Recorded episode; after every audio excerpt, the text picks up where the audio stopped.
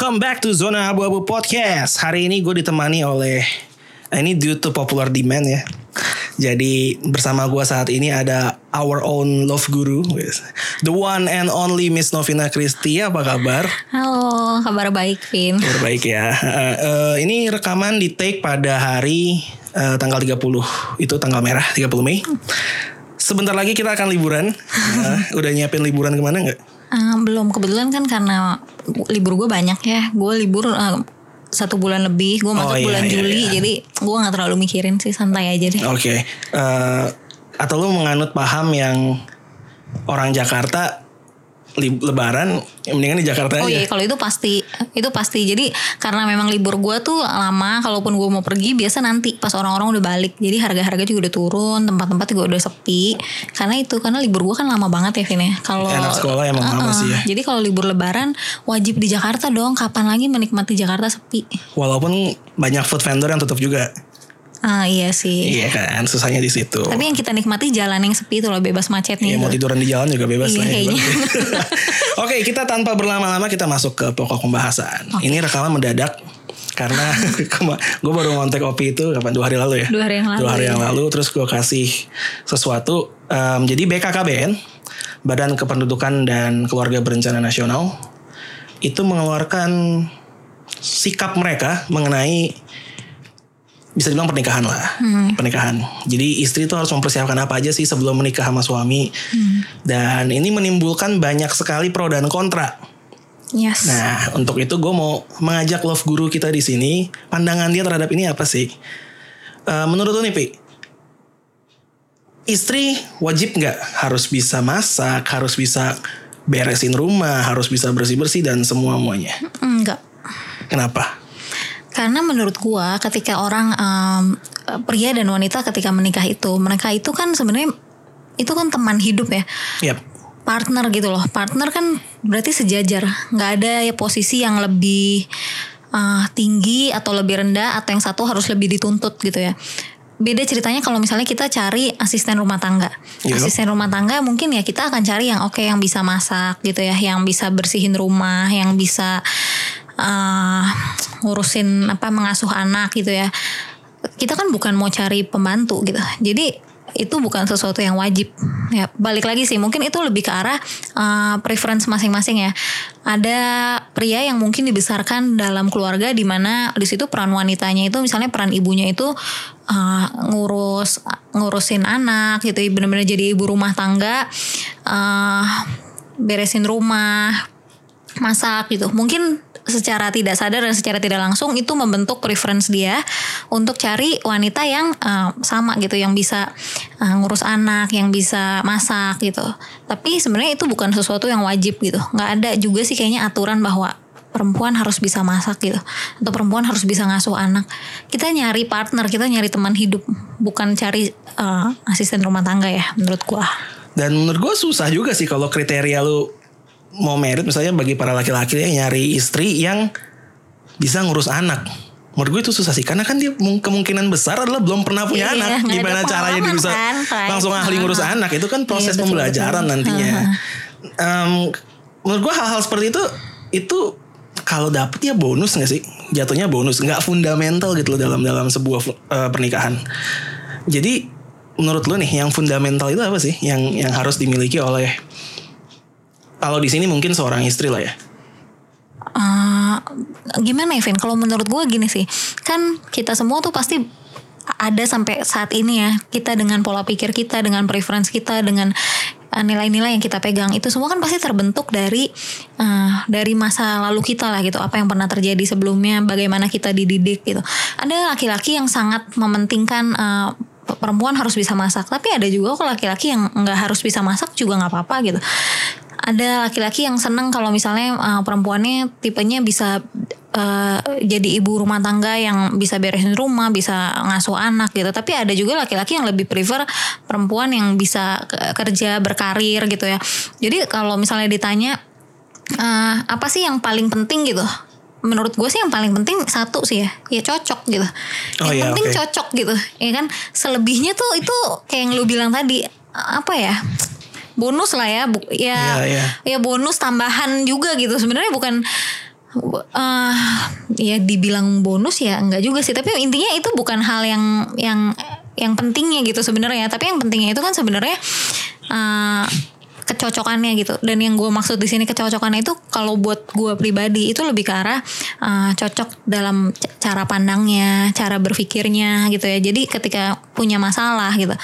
Karena ya we're not gonna lie lah ya gitu eh, masalah kan pasti ada gitu Iya, betul. masalah selalu ada ya jadi ketika kita sama pasangan kita aja punya pola pikir yang berbeda ketika masalah datang ya itu cuma jadi menimbulkan masalah baru gitu kan Iya. jadi kalau menurut gue sih yang paling penting ya itu cocok Kecocokan dulu ya. yes Hmm. Kalau misalnya cocok dalam hal tadi kan lu bilang sudut pandang sama apa cara menyikapi masalah ya. iya Kalau misalnya cocok dalam hal ini penting gak sih menurut lu kayak hobi atau preferensi atau atau mungkin eh, cara bercanda selera bercanda gitu-gitu. Kalau buat gue eh, cocok dalam hal hobi apa segala macam itu mungkin kayak yang tadi lu bilang itu bonus aja. bonus ya? Oke. Jadi kalau kita punya pasangan yang kebetulan nih hobinya sama gitu, ya itu menyenangkan aja sih. Iya. Ya menyenangkan tapi bukan berarti eh, harus yang seperti itu. Iya iya iya. Tapi kalau misalnya completely different gitu agak capek juga gak sih misalnya kayak preferensi nonton udah beda jauh nih. Musik beda jauh banget. Terus hobi beda jauh juga kayak kita mau melakukan sesuatu bersama juga kayaknya sulit jadinya. Hmm. Eh, ini yang orang suka bilang eh, kalau misalnya ya kan kita sama pasangan harus saling melengkapi gitu ya. Jadi katanya Hmm. kalau misalnya eh, gua orangnya berantakan gitu mungkin eh, harusnya punya pasangan tuh yang rapi gitu Iya, ya tipenya. Padahal sih nggak juga ya kalau menurut gua eh, bukan saling melengkapi gitu. Menurut gua konsep dasar pacaran atau berrelasi itu adalah saling menerima. Ya, Oke. jadi kalau saling menerima itu kan nggak usah menuntut gitu nggak usah menuntut apa-apa dan harusnya perbedaan itu tidak akan diributkan gitu kenapa Oke. karena konsepnya saling menerima jadi kalau misalnya oke gue punya gue punya selera eh, contoh gini deh ya misalnya gini gue suka nonton film drama Korea gitu Ih, jarang sih kayaknya ada laki-laki yang seneng nonton drama Korea gitu Gue kan kadang nonton. Oh ya. nah, terus kalau misalnya eh, apakah gue harus menuntut pasangan gue lu harus suka drama Korea gitu Oke, ya. atau dia harus menuntut gue lu berhenti nonton drama Korea itu kan nggak adil gitu Ya, oke. sementara gue suka drama Korea dari sebelum gue kenal dia nih misalnya Hmm. kalau gue pasti akan mikirnya siapa lu tiba-tiba nyuruh-nyuruh gue untuk nggak nonton apa yang gue suka gitu jadi sebenarnya konsepnya kan saling menerima aja Iya. gitu ya Eh, sebenarnya dengan saling menerima itu pasti kita orang pacaran kan pasti ada perasaan sayang ya ada perasaan sayang pasti ada perasaan ingin spend time bareng gitu ya Ter- terlepas dari kegiatannya apa kalau kita suka sama orang kita sayang sama orang yang penting kan bareng orang itunya ya Iya. jadi benar. walaupun kita oh dia ngajak gue nonton film yang gue nggak suka sih sebenarnya gitu ya film ini gitu Mm-hmm. tapi ya as long as sama dia kan pasti kita ya udahlah oke lah gitu gue akan nonton Oke. juga gitu tapi nggak oke. dengan menuntut ya nggak dengan menuntut dengan maksudnya dalam Iya. tanda kutip maksa gitu ya. iya yes Oke, see. Gitu. Kemarin gue sempat lihat ini ada gambar kayak gini. Eh biasalah expectation versus reality gitu kan Mm-hmm. tentang orang pacaran. Expectationnya adalah ketika pacaran, now we can do things together gitu kan. Mhm. Now we can do things yang kita suka bareng-bareng. Realitinya adalah sekarang kita bisa melakukan hal yang berbeda di tempat yang sama aja gitu. Jadi mereka ada di tempat yang sama tapi yang satu ngapain yang satu ngapain yang penting ada bareng gitu loh. Ya, jadi menurut gue itu itu cukup applicable sih. Eh, Iya nggak? Iya, Menurut realitinya memang begitu ya menurut gua. Karena nggak menurut gua nggak sehat juga ya kalau misalnya pacaran tuh membuat kita jadi terus eh, harus spend time bareng terus Hmm. sama dia gitu. Ya ada waktunya juga kan gitu harus sendiri-sendiri. Iya betul. Dan ada waktunya juga dan bukan pacaran yang baik juga kalau misalnya kita memaksa pasangan kita untuk spend time bareng eh, melakukan hal yang mungkin dia sebenarnya nggak suka gitu. Hmm. Jadi balik lagi kayak yang tadi gue bilang sebenarnya konsep dasar itu dengan kita menerima ya yang penting spend time bareng eh, nggak harus kegiatannya bareng gitu. Tapi value utamanya itu adalah kebersamaannya itu kan Iya, sebenarnya. iya, iya. Nah, oke, tadi lu bilang tentang mengenai saling menerima. Saling Hmm. menerima itu dalam hal yang tadi adalah itu kan bukan sesuatu yang negatif sebenarnya beda Hmm. preferensi aja. Tapi kalau misalnya ada hal buruk nih Hmm. dari diri pasangan kita, em, wajar nggak sih untuk untuk se- seorang bukan seorang ya salah satu Hmm. menuntut untuk dia memperbaiki diri gitu? Enggak. Oh enggak juga. Enggak, menurut gua eh, segala sesuatu yang dituntut itu percuma gitu. Oke. apa sih gitu terus maksudnya gini ya apa bahagianya juga kalau pasangan kita ya let's say dia berubah gitu ya buat kita Hmm. tapi karena kita tuntut gitu Oke. apa juga gitu poinnya kalau misalnya kita sayang sama orang kita melihat nih ada yang jelek dalam diri orang itu kita pengen orang itu berubah oke tapi pasti kita pengen dia berubah untuk diri dia dong bukan untuk kita Iya benar. right sekarang kalau misalnya cuma dituntut jatuhnya itu cuma berubah untuk kita tapi dia sendiri sebenarnya tidak menyadari itu jadi kalau misalnya amit-amit habis itu putus pasti dia akan balik lagi Atau mungkin bahkan ketika lagi nggak sama dia gitu ya. yes Jadi cuma akan nahan diri ketika sama Yes. pasangannya Ah, aja. ah, ah. Nah, tapi gimana caranya biar dia berubah untuk dirinya? Kalau eh, kalau kita nggak do something, mungkin itu something yang bahkan orang ini nggak nyadar gitu. Hmm, eh, ya kita support pasti dong kalau misalnya Tapi kita, eh, komunikasikan gitu ya sengaja. Oke. Of course. Jadi kalau menurut gue uh, komunikasi itu kan memang penting banget ya. Betul. Lu juga anak komunikasi kan ya dulu kuliah. Iya kebetulan. Ah, right. Ya kalau misalnya uh, komunikasi itu kan sesuatu yang penting banget. Jadi hal yang kita tidak suka harus kita komunikasikan dan hal yang kita suka pun harus kita komunikasikan. Hmm. Itu yang kadang-kadang juga uh, ini intermezzo dikit. Itu yang kadang-kadang juga kayaknya dalam relationship orang suka uh, kita tuh cepet banget gitu untuk ngasih tahu gue nggak suka ini, gue nggak suka ini, gue nggak suka ini. Tapi ketika pasangan kita melakukan sesuatu yang baik, kayaknya pujiannya juga sangat sedikit Hmm. gitu ya Hmm, betul. mungkin uh, at the end of the relationship kadang-kadang orang tuh sampai bertanya-tanya gitu uh, apa yang salah gitu apa yang kurang gitu. Saking mungkin kayak nggak pernah diapresiasinya kali ya dalam relationship itu. Nah tapi pada dasarnya semua harus dikomunikasikan. Tapi kan komunikasi yang baik itu yang udah pasti kan dua arah ya. Jadi ketika kita menyampaikan ya sebenarnya gue nggak senang sih gitu kalau misalnya lu begini gitu ya. Dan mungkin dia akan menyampaikan juga alasan dia kenapa dia seperti itu gitu. Poin berikutnya balik lagi yang tadi gue bilang menerima. Kita nggak bisa menuntut orang itu berubah jadi simpelnya gini Vin menurut gue dalam segala sesuatu itu you take it or you leave it. Oke. ya jadi kalau lu mau ya lu ambil lu jalanin. Kalau lu merasa nggak mau tidak usah menuntut orang berubah. Ya udah tinggalin aja. That Oke. simple gitu. Daripada kita tarik tarikan ya selalu nuntut orang untuk berubah itu kan nggak adil. Oke, jadi um, we point out, maksudnya kalau mungkin ada sesuatu yang kita nggak suka dan atau kita rasa itu mungkin negatif terhadap hidupnya dia, kita komunikasikan. Either he or she wants to change, eh, itu hal yang berbeda gitu ya. Jadi Yes. kayak kalau dia ingin berubah, ya bagus. Kalau dia nggak ingin berubah dan kita masih merasa terganggu, ya, Ya better udah, kita oh, pergi aja bye-bye. ya. Iya, daripada kita nuntut dia berubah kan nggak adil dong sebenarnya.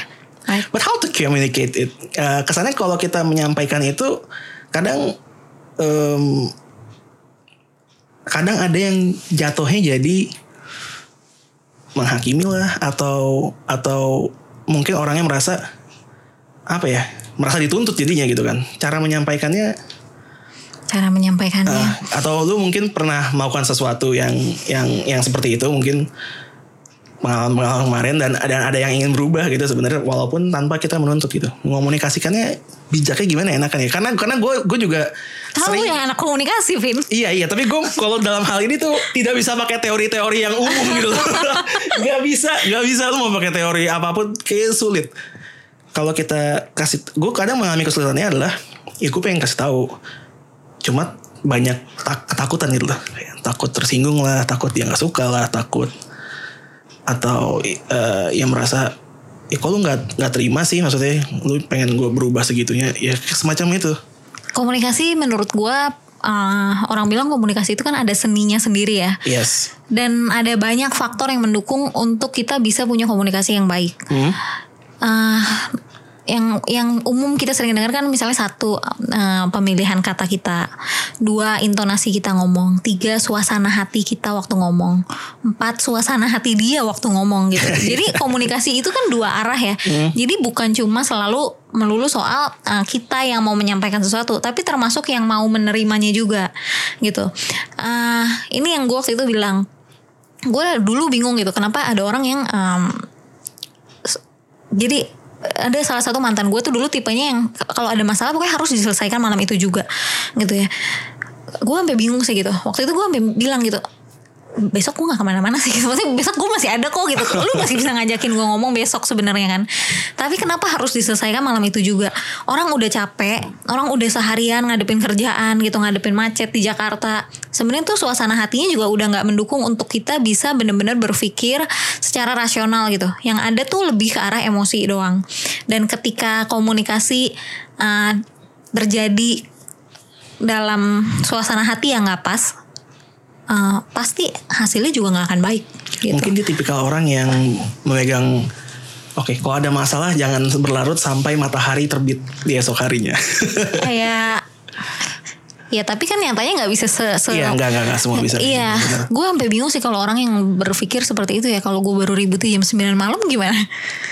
Ini kalau jam 9, kalau jam 11 Iya gitu kan maksud gue Apakah bener-bener nggak boleh kita Ya gue setuju sih gitu. Maksudnya gini kalau gue sendiri lebih prefer untuk tidur tuh dalam keadaan tenang gitu.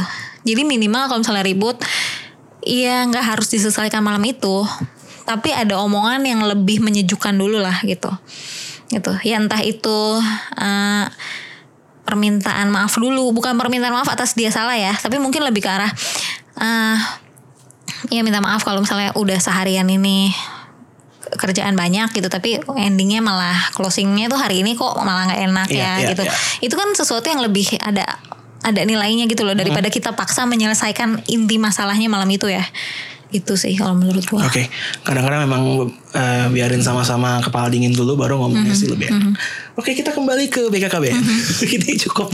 Yeah. Gak tau kalau sama Opi emang emang selalu emang iya ngeflow aja gitu. Soal ini tuh emang pembahasan soal ini tuh tidak akan pernah berakhir ya cabangnya itu akan sangat banyak gitu. Iya. Jadi kalau mau dibahas runut lebih jauh itu kita akan sangat melenceng dari tema awal. Uh, di BKKBN itu eh, nggak uh, tahu ini menurut gue ya. Ini hmm. sangat pesannya ini sangat patriarki sekali hmm. karena padahal mereka adalah badan kependudukan dan keluarga berencana keluarga keluarga ya harus keluarga ya. Right. tapi ini sangat patriarki kayak cuma ngeliat dari sisi cowoknya doang hmm. iya gak sih hmm. iya kan kayak ya suami istrinya tuh harus begini istri kalau mau menikah ya lu harus ini aja dan di situ dibilang adalah istri harus terima aja sebenarnya sih dari suami harus menerima segala uh, apa adanya. Ini sejalan nggak sama yang lu bilang tadi tentang saling menerima?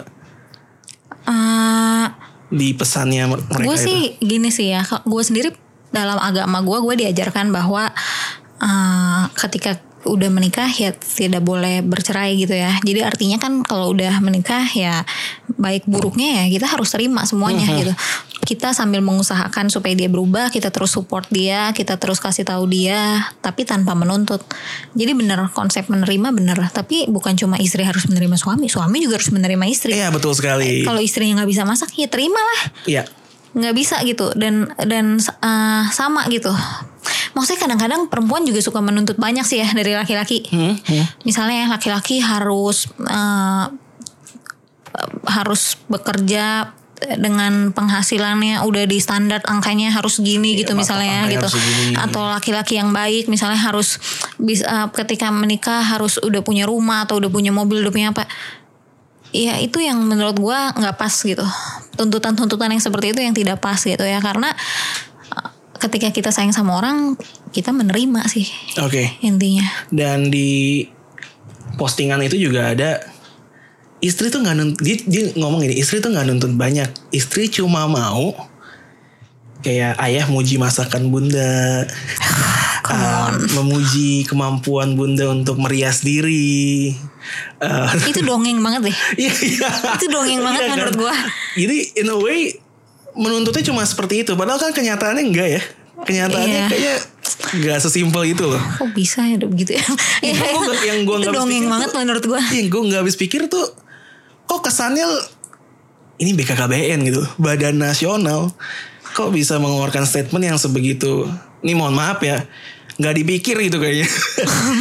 Um, menurut lu dari poin-poin BKKBN ini kalau lu jadi BKKBN sebenarnya apa sih yang mau sampaikan uh, lebih baik apa yang disampaikan ketimbang hal seperti ini gitu dalam mempersiapkan diri ya ini kan mempersiapkan diri hmm. untuk menuju ke pernikahan baik udah ada calon ataupun belum menurut gue uh, paling penting itu sebelum menikah kita harus jadi pribadi yang utuh ya yang lengkap artinya yang utuh itu yang bisa bahagia sendiri gitu ya.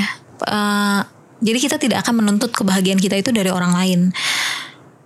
Mau cowok mau cewek gitu. Jadi eh, kalau misalnya cewek dia mau masak ya karena dia memang pengen masak gitu, bukan karena dia suat- supaya suatu hari nanti dipuji gitu sama suaminya Hmm, gitu betul banget, betul banget. sekarang gini kalau misalnya suaminya bukan tipe yang memuji gimana bisa frustrasi dong gitu. Dia masak mungkin udah enak tapi memang suaminya bukan tipe yang memuji. Iya, iya, benar, gitu benar. gimana? Makanya kan balik lagi harus harus datang kesadaran dari diri sendiri bahwa oke misalnya gue mau masak karena gue hobi masak gitu. Terlepas dari orang mau puji gue atau enggak ya ini hobi gue gitu.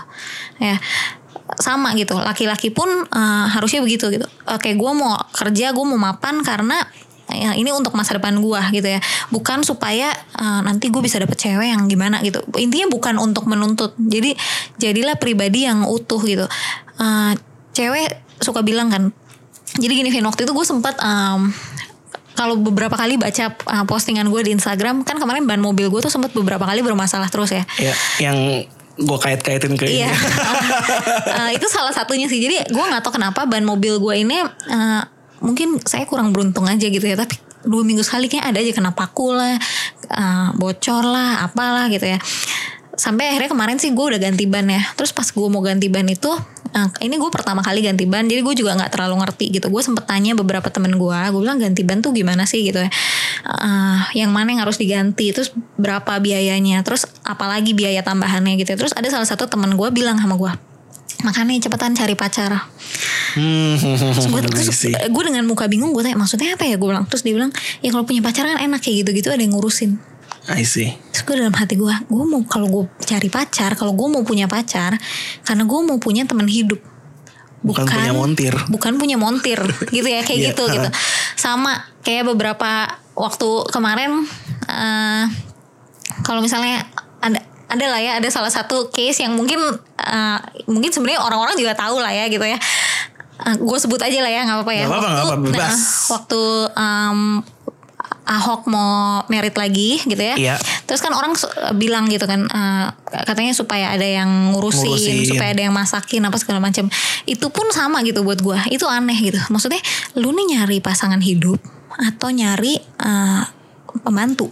Iya dong kalau Iya, cuma iya. untuk ngurusin gitu ya lu cari aja di yayasan eh, asisten rumah nggak tangga. perlu nggak perlu Ya kan? istri. bener. Yes, itu lebih lebih uh, skillnya mungkin lebih terasa gitu di situ Iya. kan. Nah itu loh yang itu yang gue tuh selalu jadi apa ya lucu gitu orang kadang-kadang weekend gitu dibilang makanya punya pacar biar malam minggu bisa jalan. Ya kita malam minggu nggak harus jalan sama pacar kali. Kita gitu. bisa jalan sama temen Iya, atau nah keluarga. itu kan kalau misalnya kita berangkat dengan pola pikir seperti itu, itu menandakan bahwa ada yang kosong gitu, ada yang kita belum utuh dan kita akan menuntut orang mengisi di situ, gitu ya. Kalau misalnya, jadi kalau gue sekarang prinsip gue gitu, gue sekarang belajar sendiri ngurusin mobil gue, kenapa? Ya karena itu mobil gue gitu. Iya. Ya, jadi kalau one day gue punya pasangan yang mau ngurusin itu ya gue bersyukur. Tapi kalaupun gue punya pasangan yang misalnya let's say cuek gitu atau sibuk nggak nggak eh, nggak bisa menyediakan waktu untuk bantuin gue ngurusin mobil, ya it's okay juga kan. Yep. Gitu. Itu intinya jadi nggak jadi masalah gitu. Iya, iya. Sama kayak yang ini gak sih kayak biasa ada tuduhan-tuduhan bahwa cewek make up tuh untuk menarik perhatian pria. Tapi Hmm. bukan seperti itu kan cewek make up. Bukan. Cewek make up karena ini gue nggak tahu ya gue bukan wanita jadi Hmm. katanya ya untuk diri mereka sendiri. Iya, harusnya ya untuk diri mereka sendiri. Harusnya ya tapi gue nggak tahu ya mungkin ada juga Mungkin, sih ya mungkin ya, cewek yang nggak tahu. make up untuk menarik eh, lawan jenis gitu ya. Tapi harusnya sih kita in- itulah Vin intinya apa yang kita lakukan itu harusnya untuk diri kita dulu gitu. Sampai kita udah jadi pribadi yang utuh, udah lengkap. Jadi kita nggak usah menuntut apa-apa kan dari orang lain. Betul, betul, betul. Em, kemudian di BKKBN ada em, ada yang lain lagi nih kayak em, tentang nikah muda sebenarnya, tentang nikah muda. Em, pesannya sebenarnya nggak terlalu eksplisit sih, dia agak-agak tersirat. Intinya jadi jangan nikah muda lah. Kurang lebih seperti itu, walaupun sekali lagi gue bilang tersirat ya. Kalau lu melihat nikah muda seperti apa? Em, Walaupun ya kita sama-sama belum menikah, tapi punya pandangan nggak apa-apa lah ya. nikah muda eh, beberapa tahun yang lalu gue sempat bercita-cita untuk nikah muda. Oh ya? Ya. Oke. dan gue bersyukur sih cita-cita gue itu tidak tercapai kenapa kenapa? Ah, ini menarik nih kisah-kisah personal. karena eh, gini Vin gue punya gue punya cici tiga tiga tiga udah merit Hmm. ya jadi gue jadi gue melihat sendiri gitu kehidupan wanita yang sudah merit itu seperti apa. Dan itu sesuatu yang sangat dekat gitu sama gue Iya, gue lihat iya. setiap hari. Ada beberapa poin yang gue merasa untung gue belum merit ya gitu. Maksudnya ada ada ada ada kayak gitu gitu loh. Kan contoh gini deh. Karena maksud gue gini loh. Gue nggak tahu kenapa orang tuh selalu beranggapan merit itu uh, life goal gitu loh. Kayak lu harus merit gitu baru lu dianggap sukses selama hidup Iya, lu gitu ya iya, ibaratnya. iya, iya. dan that's why di umur-umur kayak kita sekarang gini di acara keluarga atau di mana pun orang dikit-dikit nanya kan? Iya benar. mulai dari nanya pasangan mana sampai merit kapan, Kalau gitu udah ya. punya pasangan tuh kapan? Udah merit pun bakal ditanya kapan punya anak. Udah punya anak satu bakal ditanya kan kapan, Kapan adanya nyusul, ya? Ya gitu aja terus gitu kan. Maksudnya kenapa hidup dibuat seperti itu gitu? Itu yang gue nggak paham gitu ya. Eh, contoh gini ya gue selalu mikir gini. Ketika kita masih single gitu ya oke lu punya kebiasaan apa misalnya? Eh, gue misalnya punya kebiasaan oke kalau Sincia misalnya ada acara keluarga atau kalau misalnya Natal eh, ada acara keluarga ngumpul sama keluarga atau apa. Ketika kita udah married kita punya pasangan yang jadi consideration kita tuh nambah loh gitu. Iya. ya iya dong. Kalau yang tadinya gue udah nggak pernah mikir nih gue Natal ya pasti sama keluarga. Sekarang harus mikir sama keluarga yang mana? Iya betul. right? Terus uh, Sincia harus mikir juga gitu. Terus yang Kalau yang Sincia mikirnya ada lagi sih, Vi.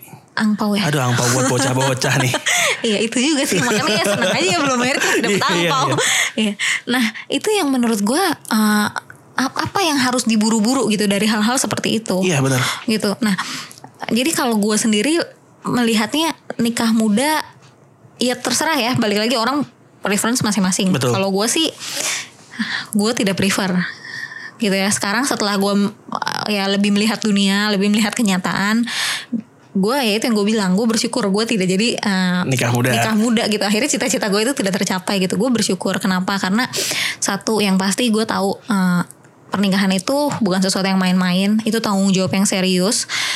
Dan ketika kita masih muda gitu ya kita udah memutuskan untuk menikah dengan pengalaman kita yang terbatas dengan waktu main kita yang mungkin belum puas gitu itu bisa jadi bisa jadi ya. Jadi nggak selalu ada juga sih yang nikah muda terus sukses ada Hmm. yang nikah muda Berantakan. berantakan juga Banyak. lebih banyak gitu ya gitu. Nah, eh, ya maksudnya itu aja sih yang dihindari gitu ya. Jangan sampai ketika kita memutuskan nikah muda, judulnya aja nikah muda ketika kita masih muda berarti kan mungkin eh, pengalaman kita juga belum banyak gitu ya. Pelajaran-pelajaran hidup kita juga sebenarnya belum cukup gitu ya. Let's say belum cukup gitu. Terus waktu main kita masih kurang gitu. Iya, Sehingga ketika kita menjalani pernikahan kita malah jadinya belum kayak belum siap gitu loh Vin. Belum mateng lah ya. Iya, kan- karena kadang-kadang kan itu ya Vin ya gue sampai bilang gitu sama teman gue itu eh, waktu itu teman gue bilang dia udah mau eh, merit terus nggak jadi gitu ya batal gitu. Terus gue tanya sama dia, lu udah mau meritnya gimana emang? Ya gue udah ngelamar dia dia bilang. Terus sampai gue tanya ngelamar beneran atau cuma yang will you marry me ala-ala yang yang lagi ngetren di sosial media Iya, itu loh gitu kan. relationship goals. Iya gitu. Nah, nah, maksud gue eh, kadang-kadang orang tuh kayak cuma itu yang dikejar gitu. Hal-hal yang seperti itu yang dikejar. Contoh lagi paling gampang gini, kalau misalnya orang mau merit selalu wish dari orang-orang apa? Semoga lancar sampai hari H. Semoga lancar sampai hari ya benar. Ya sampai hari H mah paling let's say setahun gitu ya. Sebenarnya kan yang tugas beratnya itu Setelah hari setelah H. itunya ya Setelah sampai mau pernikahannya. memisahkannya itu kan sebenarnya itu yang itu yang sekarang gue kalau misalnya ada orang yang mau merit gue selalu bilangnya bukan semoga lancar sampai hari H tapi semoga uh, keputusan ini tepat dan semoga uh, lu diberi kekuatan untuk menjalani ini semua sampai maut memisahkan gitu karena yang berat itu kan lewat dari hari H-nya ya Iya, bukan benar, sampai benar, hari H. Kadang gitu orang cuma nyiapin pernikahan tapi bukan nyiapin kehidupan kehidupannya menikah, ya. iya. Ha, Jadi orang so, so busy with the wedding but not with the marriage life, Iya, betul, right? betul. Gitu. Jadi kalau gue sih merit muda ya kalau memang merasa sudah yakin sudah cukup waktu mainnya gitu ya. Hmm, Ya silakan aja Silakan sih aja gitu. sih, Cuma kalau memang kita tipe yang masih pengen have fun, masih pengen apa ya janganlah gitu. Jangan cepet-cepet gitu. Toh pasangan kita kan nggak ke mana-mana juga gitu kan. Kalau memang udah ada pasangan. ya, kalau udah yakin ya nggak ke mana-mana kan. Iya. Nah, Oke, last question of today. Ah, ini sempat kita singgung sih di di di waktu itu yang kita pertama kali eh lo pertama kali main ke podcast Oke. ini. Eh, mengenai sekarang banyak papa rumah tangga dan ibu yang menjadi tulang punggung sebenarnya. Hmm. Nah, um, in a way sih gue udah tahu sebenarnya sikap Hmm. lo seperti apa. Cuma menurut lu gimana kalau me- memang antara istrinya kah yang penghasilan lebih gede atau Hmm. memang istrinya yang full bekerja gitu. Itu berarti kan membalikkan semua yang ada dari ucapannya si BKKBN ini. Hmm. Menurut lu gimana?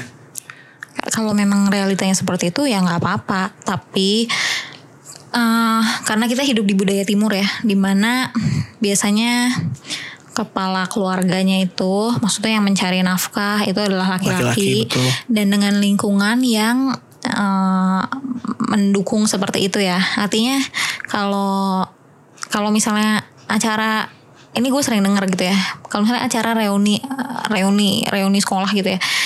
Orang biasa pertanyaan pertama itu adalah suami lu sekarang kerja di mana? Gitu ya Oke, Nah, eh, jarang yang langsung nanya em, istri lu kerja di mana gitu. Biasa pertanyaannya itu itu dulu ya suami lu sekarang kerja di mana gitu ya.